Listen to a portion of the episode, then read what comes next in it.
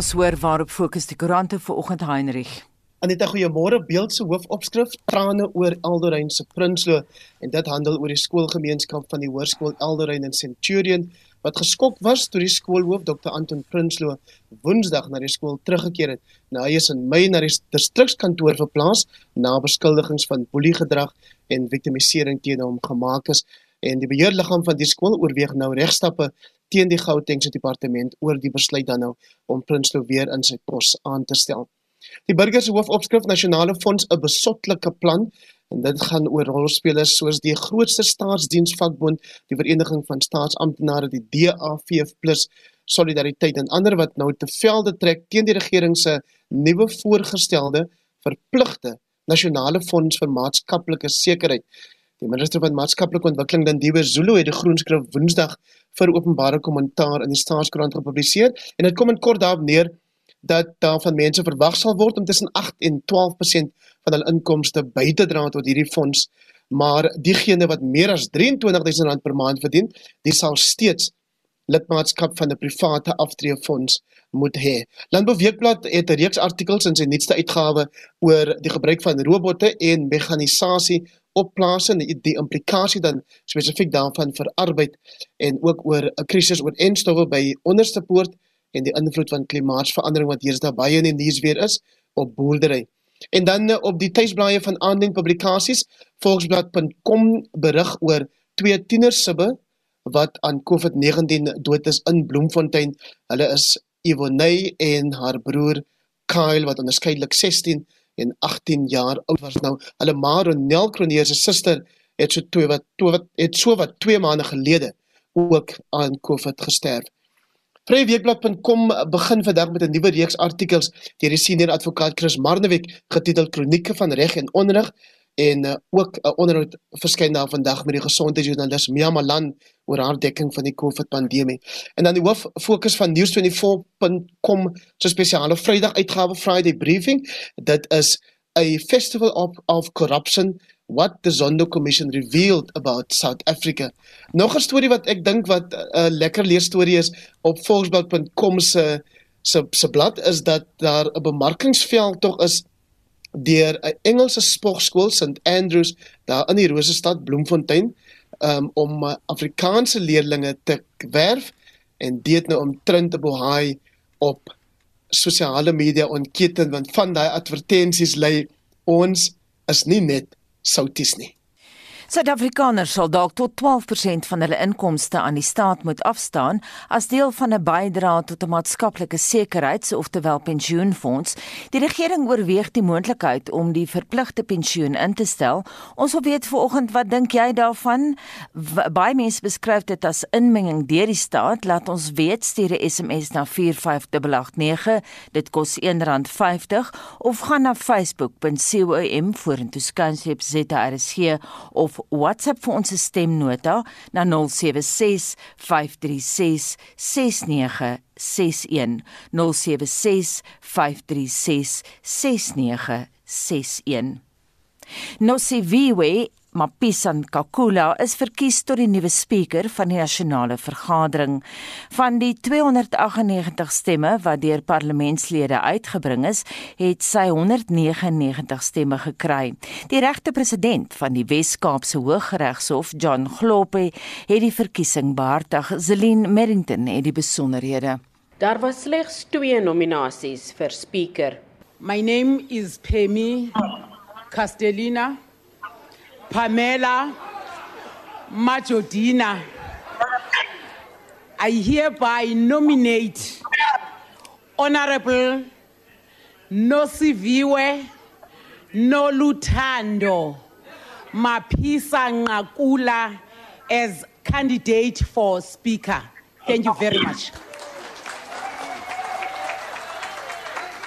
I, Natasha, Wendy, Anita, Matsone have the pleasure of nominating as Speaker of the National Assembly of the Republic of South Africa Dr. Annelie Lotrit, MP.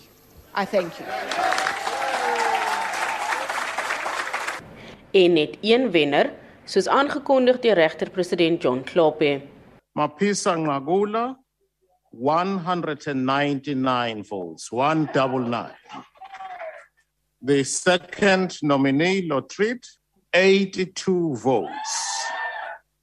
Spoiled votes, sorry, let me finish. Spoiled votes, 17. That's 1 7.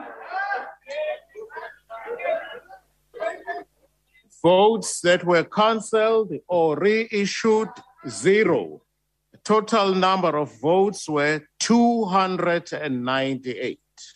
I can assure you everything was done, double checked, and we reconciled. All of that was done in the presence of myself and the returning officer.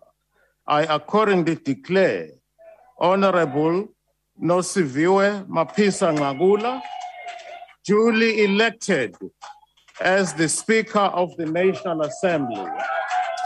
Mapisa Ngakula het onmiddellik die raad toegespreek. Sy het onderneem om die uitvoerende gesag verantwoordbaar te hou. I return, of course, to be part of collective leadership of this national legislature after what can be considered a long stay within the executive branch of government.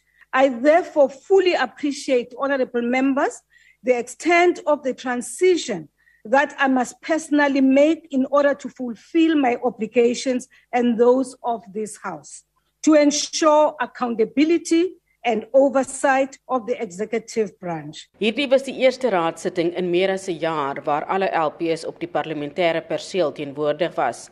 Dit is volgens die grondwet 'n vereiste dat die verkiesing van 'n spreker in persoon moet plaasvind.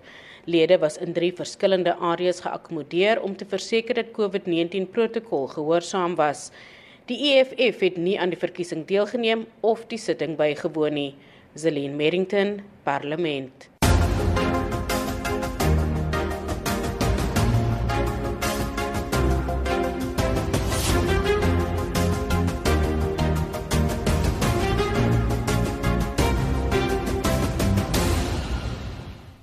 Die verkiesingskommissie se dringende aansoek by die konstitusionele hof om die plaaslike regeringsverkiesing tot Februarie volgende jaar uit te stel, word vandag aangehoor. Die verkiesing moet op 27 Oktober plaasvind, maar daar's aanbeveel dat dit weens die COVID-19 pandemie tot later uitgestel moet word. 'n Regskenner aan die Universiteit van Pretoria, professor Llewellyn Kloos, bespreek die proses. Hierdie is 'n buitengewone aansoek Ons het geen presedent in die verlede wat ons kan gebruik as vir 'n verwysingsraamwerk nie. Die vraagstukke wat die kruks vorm van die aansoek handel met dinge soos politieke regte, jou reg op lewe, liggaam, psigologiese integriteit en natuurlik die toegang tot gesondheid. Van daardie dringende aansoek wat gebring is, want jy moet onthou weens die feit dat die verkiesing veronderstel is om die 27ste Oktober hierdie jaar plaas te vind, is daar nie meer baie tyd vir die eh, verkiesingskommissie om hulle werksaamhede voor te sit en voor te berei vir die verkiesing as hierdie saak nie op 'n dringende basis aangehoor word nie. Die grondslag is natuurlik die vraag het die COVID-19 pandemie 'n besonderse invloed gehad op die werksaamhede en die werksaamhede wat nog moet plaasvind tot en met Oktober. Soos so dat dit dan sal beteken dat ons miskien nie vrye en 'n regverdige verkiesing sal hê nie. Vandaar die bedes wat gevra word. Nou 'n bede is die regsel wat van die grondwetlike hof gevra word. In die eerste instansie vra die verkiesingsowerheid dat die verkiesing buite die 90 dae periode sal val wat vereis word in artikel 159.2 van die grondwet wat ek saamgelees moet word met artikel 24.2 van die wet op plaaslike munisipale strukture van 1998. daarmee saam vra hulle dat eerder dan die verkiesing voor einde Februarie 2022 dan wil hou. Dit wat daarmee saamgaan dat die minister van koöperatiewe regering en tradisionele sake gemagtig word om die huidige kennisgewing basies terug te trek wat die verkiesing van die 27ste Oktober daar gestel het en te vervang met 'n alternatiewe kennisgewing dat die verkiesing moet plaasvind voor einde Februarie. Die interessante deel van die aansoek is dat daar alternatiewe bedes ook gevra word die applikante vra dat sou die hof nie die ander bedes toestaan nie dat 'n versuim om die verkiesing dan te hou soos wat aanvanklik geskeduleer is ongrondwettig en onwettig verklaar word maar dat sodanige verklaring tot ongrondwettigheid en onwettigheid opgeskort word tot die einde van Februarie. Wat beteken in effek gaan hulle presies dieselfde uitkoms bewerkstellig. En vra hulle dan as die hof daai alternatiewe bede toestaan dat die voorgestelde toesighoudende rol sal plaasvind deur die grondwetlike hof dat die verkiesingskommissie op 'n gereelde tussenposis verslag moet doen rondom die vordering wat plaasgevind het in hierdie verband. daarmee saam 'n derde alternatiewe bede wat sal beteken dat die huidige munisipale rade uh, hulle bevoegdheid bly behou totdat die nuus verkies word. Watter um, president skep dit in die toekoms? Wanneer ons ooit weer 'n situasie het waar uh, daar 'n pandemie sou wees of dat een of ander omstandigheid wat geklassifiseer kan word as 'n buitengewone omstandigheid, dat die grondwetlike hof dan weens hierdie uitspraak wat hulle dan nou aangehoor het, dan vir hulle self daardie jurisdiksie gevestig het om dan op daardie stadium moontlik in die toekoms oorweging dan kan skenk in soortgelyke aansoeke. Maak dit jou onrustig of is jy ja, tevrede met die proses? Ek, ek, ek moet vir jou sê ek is op twee gevoelens. In die eerste instansie, dit is so ons sit in 'n pandemie, maar is dit so ernstig dat ons nie anders kan as om van grondwetlike verpligtinge dan te buig en afstand te doen nie. Is daar enige politiek betrokke? Oor daar sal altyd politiek betrokke wees. Die bote feit dat ons nie minder nie het nie as tot laas getel het 4 of 5 verskillende politieke partye wat aansoek gedoen het om hulle self tussen beide te tree en te voeg tot die verrigtinge, behoort vir jou op sigself te sê dat hulle definitief 'n bydrae te lewer het. Wat is die regering se politieke agenda? As ek sien die ANC het byvoorbeeld ook hulle self gevoeg tot hierdie verrigtinge of aansoek gedoen ten minste om tussen beide te tree. Die vraag word natuurlik dan gevra met die huidige uh, tweespalt wat almal van bewus is in die ANC geleedere kan die vraag dan tereg gevra word watter een van hierdie twee faksies sal dan voordeel trek byvoorbeeld uit hierdie uitstel van die verkiesing en ek is nie 'n politieke kenner nie so ek wil my nie daaroor uitspreek nie maar ek is seker daarvan dat ten minste een van die faksies duidelik ten gunste is van so uitstel dit het ons gesien by die verslag van die Mosineki kommissie van ondersoek maar die teenkant is ook waar. Ek weet politieke partye soos die DA en uh het ek gesien die EFF en uh selfs die EFF lyk dit vir my opsigwaarde wil so gou as moontlik die verkiesing laat plaasvind sodat daar gehoor gegee kan word aan grondwetlike imperatiewe. So dit maak maar af van uit watter vleuel uit watter politieke hoek jy dit sien. En daai mening kom van professor Llewellyn Kaloos, hy's 'n regskenner verbonde aan die Universiteit van Pretoria en Mitsi van der Merwe het met hom gepraat.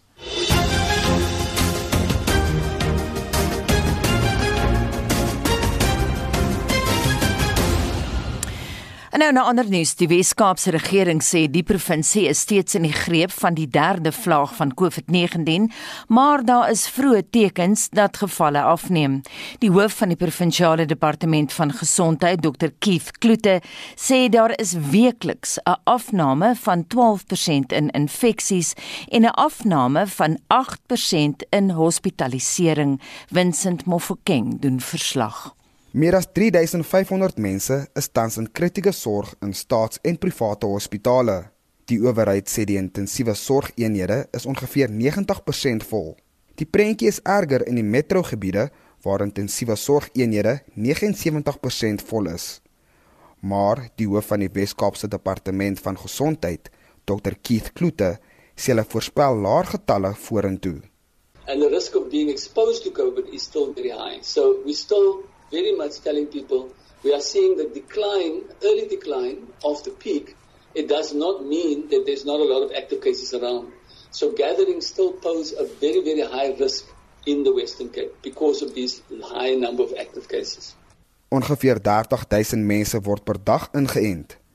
Die gesondheidsowerheid hoop om die syfer met 10000 te verhoog.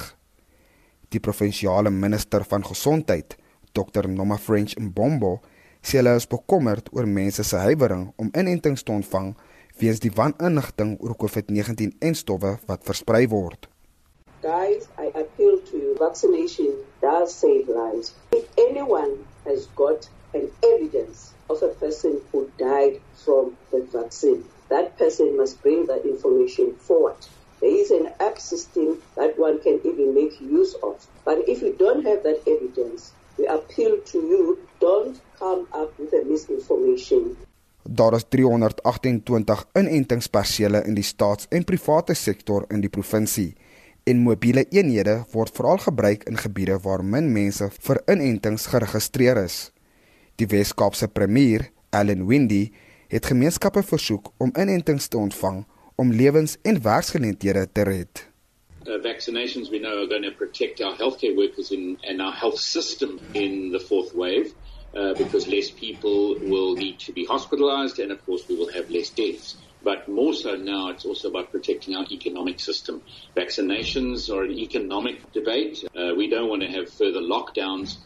Meer as 1.5 miljoen dosisse enstof is in die Wes-Kaap toegedien terwyl 639 000 mense volledig ingeënt is.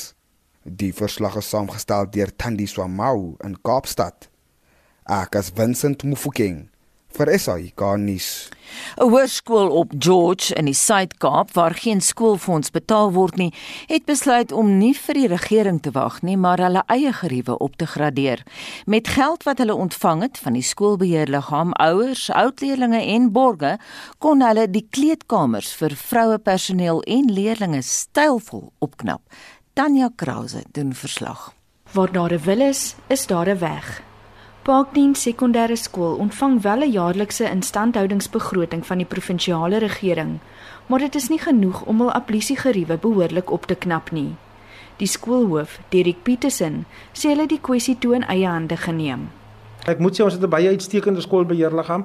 Uh mense wat goed geletterd is en wat regtig gemeenskapsgedrewe is en hulle het sommer ingekoop en gesê, "Right, ons sit dit op die volgende jaar se begroting." En dat dat ons dit in lyn maak met die regering se doelwit van die uh, verwy, uh, die heeltemal die uitwissing van pit toilets. So ons wil nie die dogter net 'n uh, uh, badkamers gee wat wat funksioneel is nie. Ons wil hulle badkamers gee wat voldoen aan internasionale standaarde. In lyn met die nasionale regering se doelwit om van pit toilette ontslae te raak, het hierdie skool 'n stap verder gegaan. Sowat 120 000 rand is bestee met die opgraderings.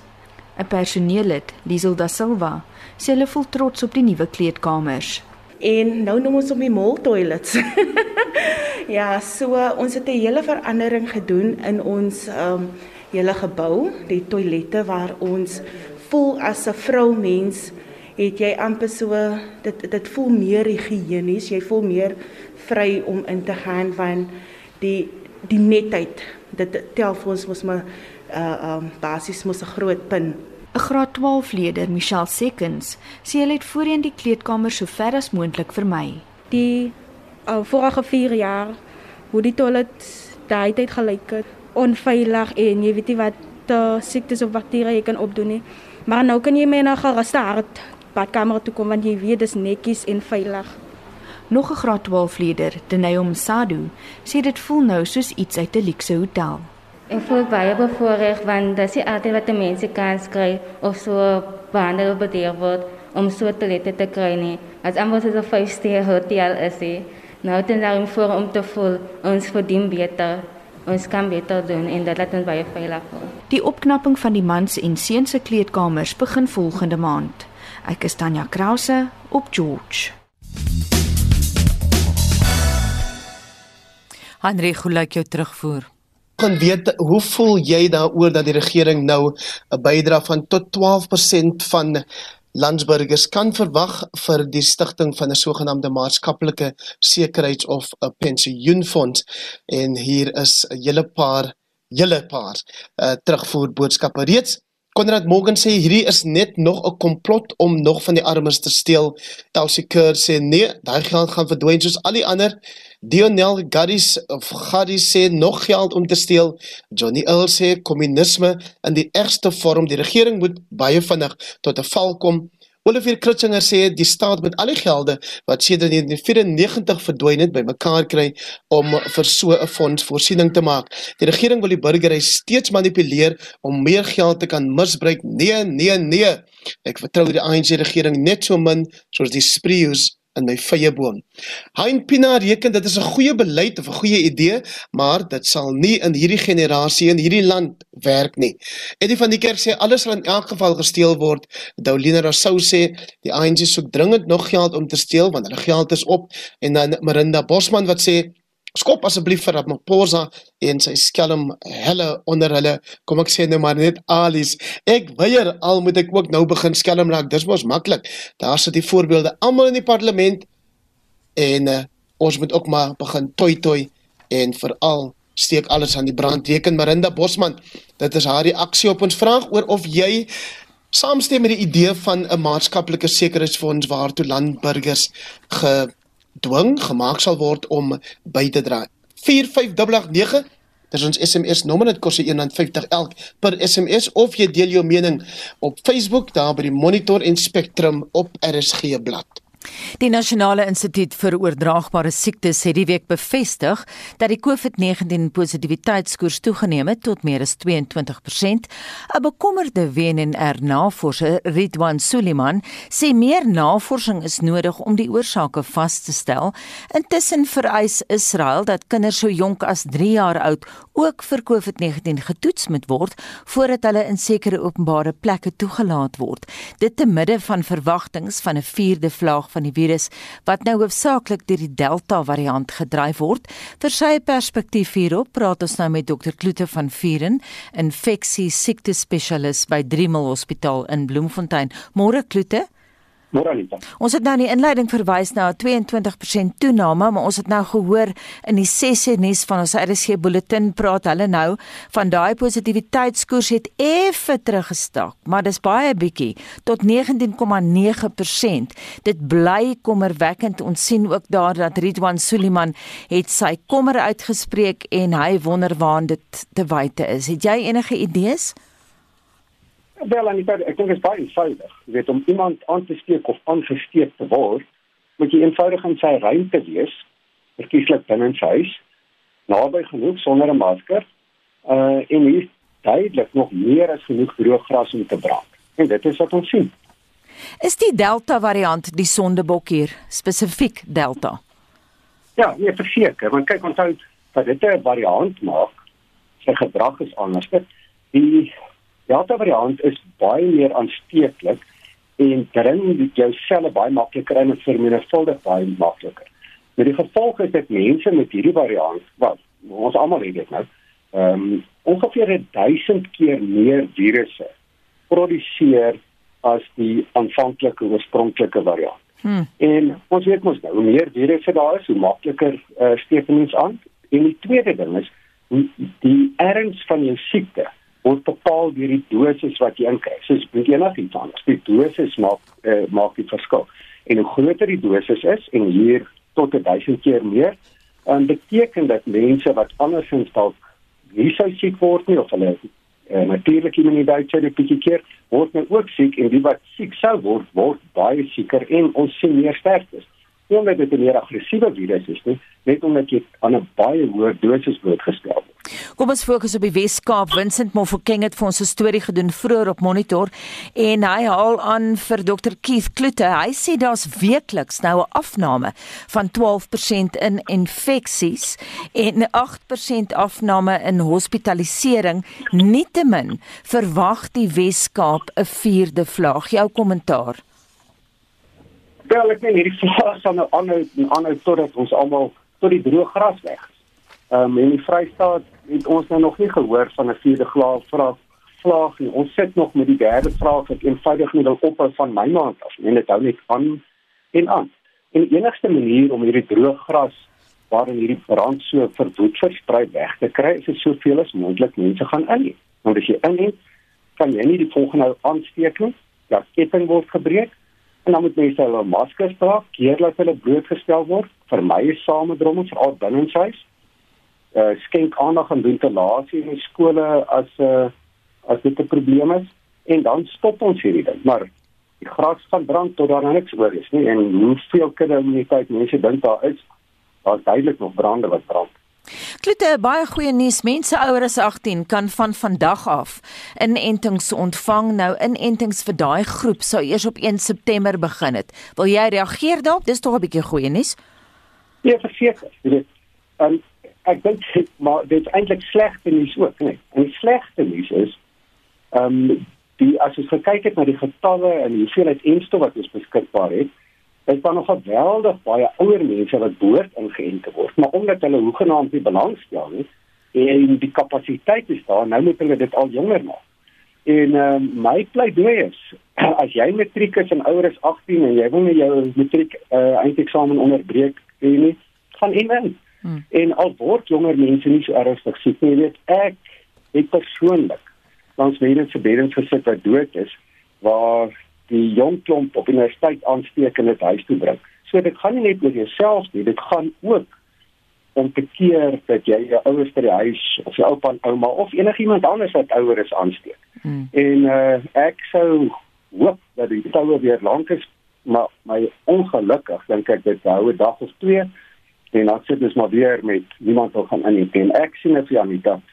Ek dink hulle moet begin sê luister, ouer as 12 kan gaan inent en ons sê hulle teiken daar die datum van 30 September en as jy dan nog nie ingeënt is nie dan maak ons nou maar alles oop en ons sê daar's nie meer beddens in die hospitale vir oningeënte COVID pasiënte nie hmm. en dan vat ons nou maar die puntjies dit kom maar verragtig so kan dit nie aangaan nie.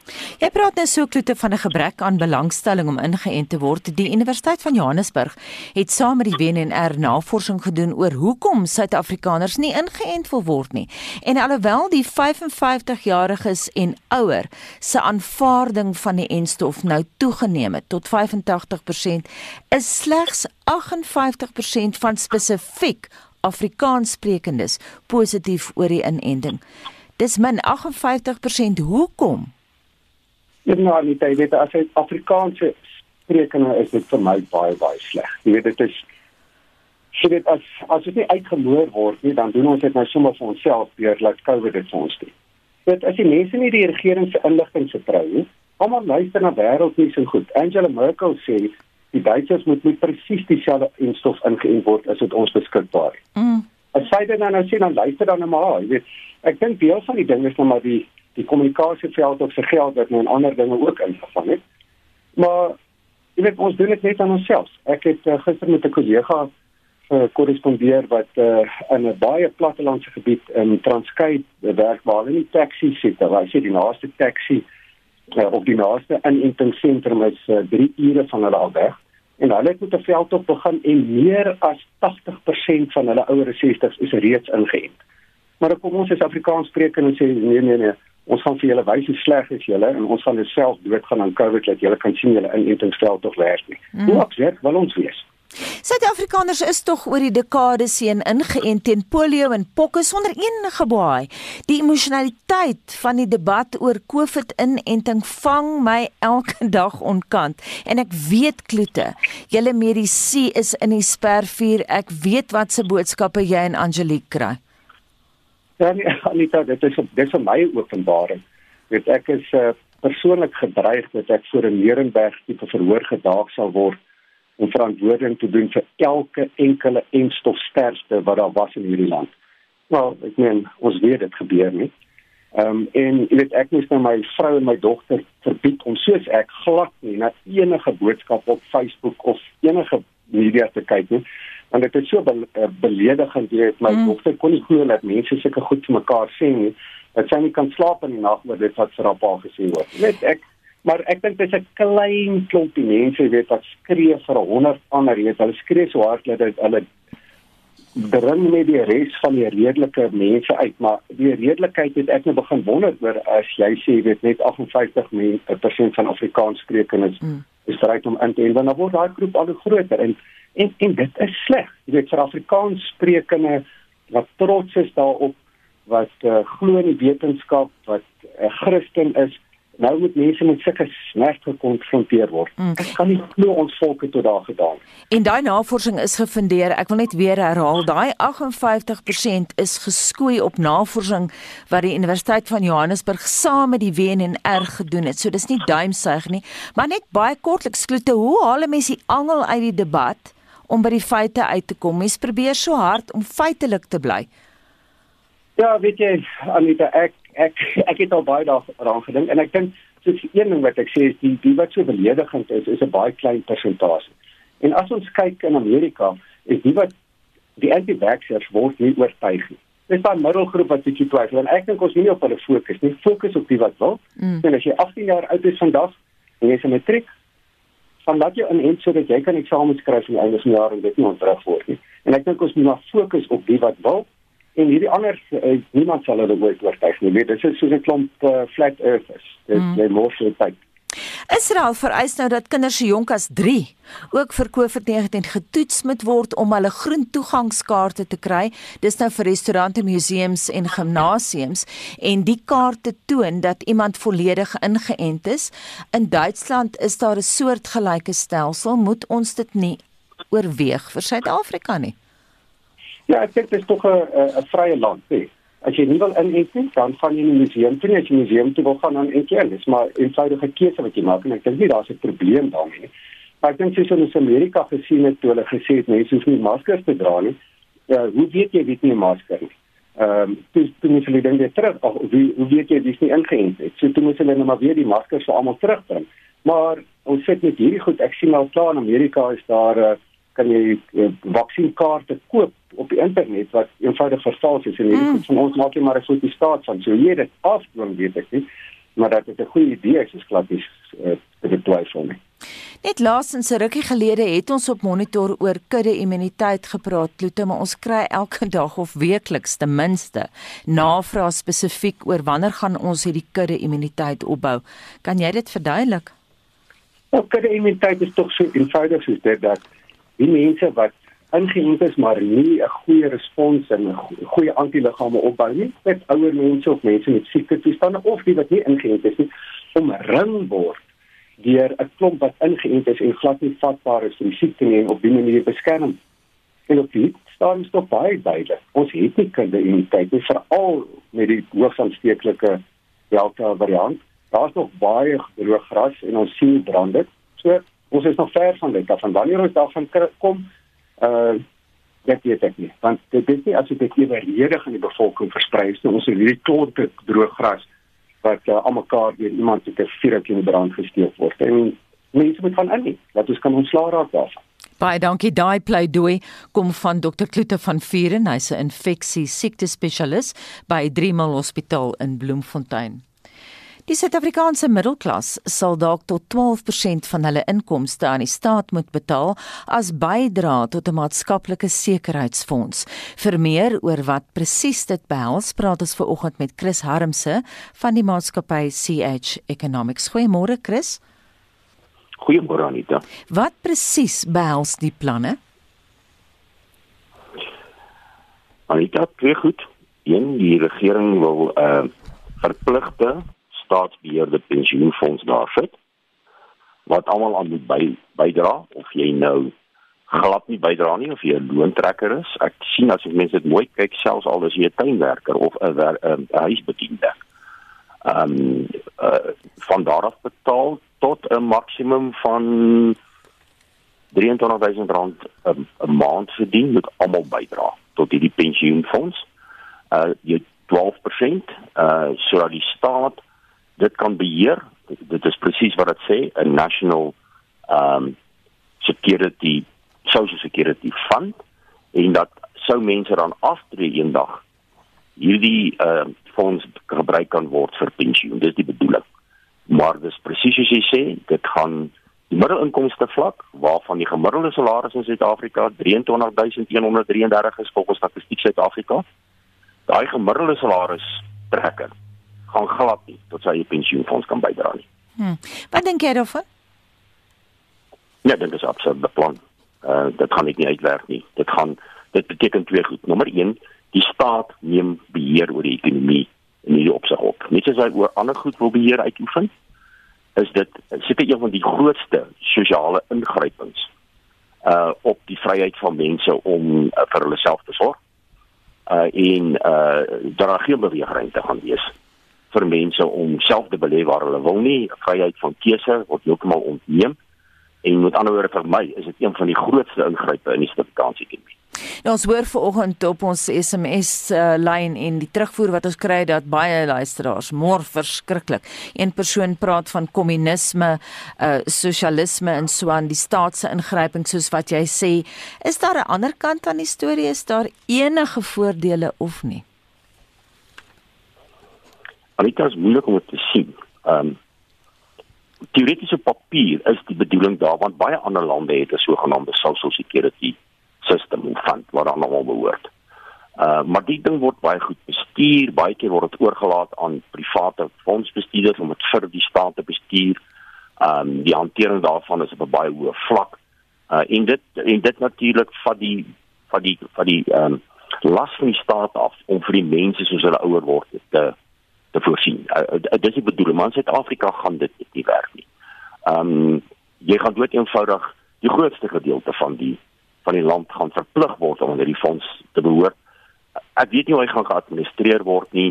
Hy gaan so groot wees uh, uh om my administrasie te hanteer. Dit gaan 'n nagmerrie wees. Hoe gaan die uitbetalings plaasvind? Kyk hoe sukkel hulle maar net met die USAS uitbetalings. Mm, mm. Uh kyk maar net kyk maar net hoe word hoe, hoe word ehm um, van die geld wat moes gebygedra geword het tot die COVID uh um, uh um, COVID behandeling die COVID produkte uh, is al daai geld is dit verduister en weggeraak. Die staat het nie 'n goeie rekord nie. Wie gaan hierdie fonds bestuur? Dis die ander vraag. Watter in watter in watter in watter bates gaan hy belê? Gaan hy ook aan voorgeskrewe beleggings ehm um, moet ehm um, voldoen soos die wet sê? Uh, die minister van finansies het reeds aan die begin van die jaar van die jaar aangekondig nadat hy baie druk ondervind het dat 'n 'n pensioenfonds mag nou tot 40% in nie gereguleerde produkte belê. Met ander woorde, as jy die ehm um, daai hoe moet ons weer daai fonds gaan nie daai geld gebruik om byvoorbeeld baie reg te maak ensovoorts en dat dit geplunder word nie. So weet daar's baie vrae uh, daaroor en hierdie soos ek in die begin gesê het, hierdie is my absolute ingryping en uh beheer oor die ekonomie oor te neem. Erge verset vanoggend op ons SMS lyn daarteen daar's mense wat sê ah nou staan nog geld vir hulle om te steel want baie mense beskou dit as net nog belasting. En gegee die feit uh, Chris soos jy goed weet Suid-Afrikaners betaal alreeds so baie belasting. Ons het ook gesien ons het verset gesien met die etol. Die effek van burgerlike verset kan ons dit weer hier verwag? Anita ja verwag dis nie ek verwag dit definitief openbare mening gaan hierdie ding nie aanvaar nie. Ehm um, en ek kan verseker verseker sien nie. Daar kan mense wat oorreken daar kan mense wees uit die staat wat uh, uh, se geleedere ehm um, natuurlik redeneer nie dis nie belasting nie. Jy jy spaar. Mm. Dis nie belasting wat ons vra nie, maar ek wil net 'n baie goeie voorbeeld gebruik hierso. Kom ons sê jy verdien 500 000 rand 'n jaar pensioenbrand goed, ek ek skiet 60000 rand. Dit gee dit gee jou 50000 'n maand. Mhm. Mm en wat jy wat jy verdien pensioen dra. Kom ek sê jy dra 4% by in daai pakket tot jou pensioenfonds en jou in jou in jou maatskappy 4% is 8%, né? Dis dis 8%, dis 48000 rand per jaar wat jy betaal. Nou moet jy die eerste 33000 daarvan moet jy in die staatspensioenfonds belê. Daar's net 15000 rand oor vir jou om te belê vir jou in, in jou eie pensioenfonds. En daar's nie baie mense wat daai salaris het. Mm. Die verdere ding wat jy gaan vra is nou betaal jy 12 12%. Uh, 2% gaan uit na die ehm um, werker werkloosheidsversekeringsfonds. Daar's 'n 10% wat belê word. Wat is die waarborg dat daai 10% vir jou belê word? Hoe kan ons sê dat jy nie gaan miskien die helfte daarvan subsidieer nie? Uh vir die mense wat nie kan bydra nie, dan is dit 'n belasting. Dit met ander woorde is 'n verskeidelde belasting. So hier is so baie vrae wat gevra word rondom hierdie ding uh en ek dink die weerstand gaan gaan baie groot. Sou mens dit kon keer? Uh moontlik. Mense sou dit dalk kon keer. Daar's 'n groenskrif uh wat die mense nou kan vertoorig, maar ons weet mos hoe werk hierdie goed. As dit eers wetgewing is, dan in die parlement ingestem word. Ons kom ons net kyk wat het gister gebeur met die speaker. Die huidige regering het die meerderheid in die parlement. So as hulle dit wil instem, kan jy ons miskien maar baie kom met vertoor daarteen, maar as hulle hierdie groen skrif en 'n wit skrif aanvaar en moet stem daarvoor na hulle gestem word. Net laasens ons kry ook terugvoer van luisteraars mense wat eenvoudig sê ek vertrou nie die regering nie. Trouens een uh, luisteraar sê ek vertrou hulle so min soos die spreeus in my vyeboom. Maar met aftrede sou mens nou kwansies van die nasionale pensioen en voordele fonds kan eis. Maar hoekom is die regering vertrou in die verband? Sou jy regtig kon eis? Ek weet dis die vraag. Dit dit dit dis dis wat die groenskrif sê. As jy aftreesperioode daarvoor kan jy nou daarvoor eis. Maar hoe vertrou ons? Moet ons weet uh dat dit is die waarde van my fonds wat ek bygedra het. Wie wie wie wie wie, voel beheer daaroor uit? Uh is dit 'n gereguleerde produk? Kan ek 'n staat kry elke maand wat vir my sê dit is uh my my um pensioenvoordeel wat ek belê het, uh dat ek hom kan monitor uh en of is dit nou maar nie net 'n dooie uh weet 'n 'n 'n 'n 'n donker put waarin hierdie geld in gaan gaan nie. Baie dankie dit dan die mening van Chris Harmse van die maatskappy CH Economics. Die leefstylomroeper by SAFM, RC se susterstasie, is die week deur die Franse regering vereer. Michel Constant het die Chevalier de l'Ordre National de Mérite, oftewel ridder van die Franse Nasionale Meriteorde ontvang. Dis die tweede toekenning wat sy van die Franse kry. In 2016 is sy vereer met die Chevalier des Arts et Lettres vir haar werk in die kunste. Lila Magnus het meer.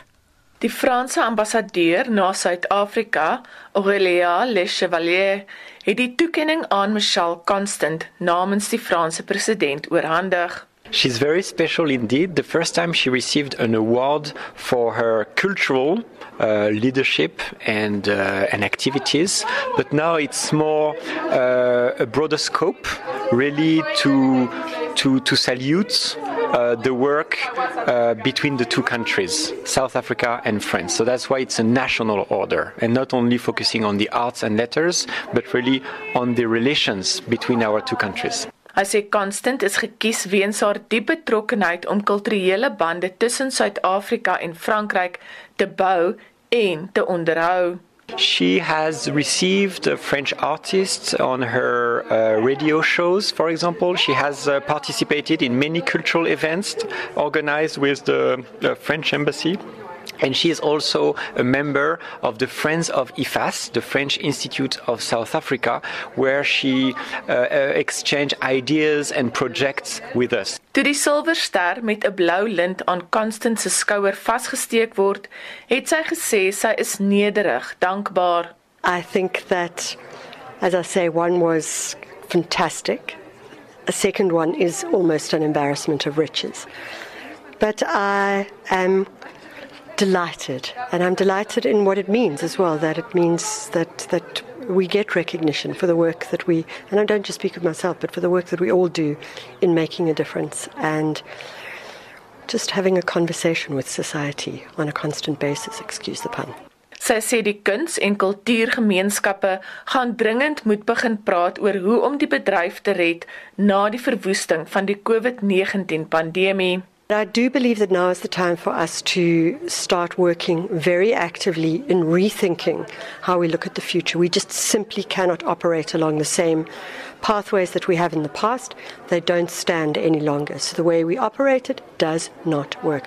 I agree that we need to um, expand on policies and try and shift the way um, funding works for the arts, but I think we are going to have to really put our shoulder to the wheel and make a difference. Dit was Michelle Constant, 'n ridder van die Franse Nasionale Meriteorde en ek is Lela Magnus in Pretoria.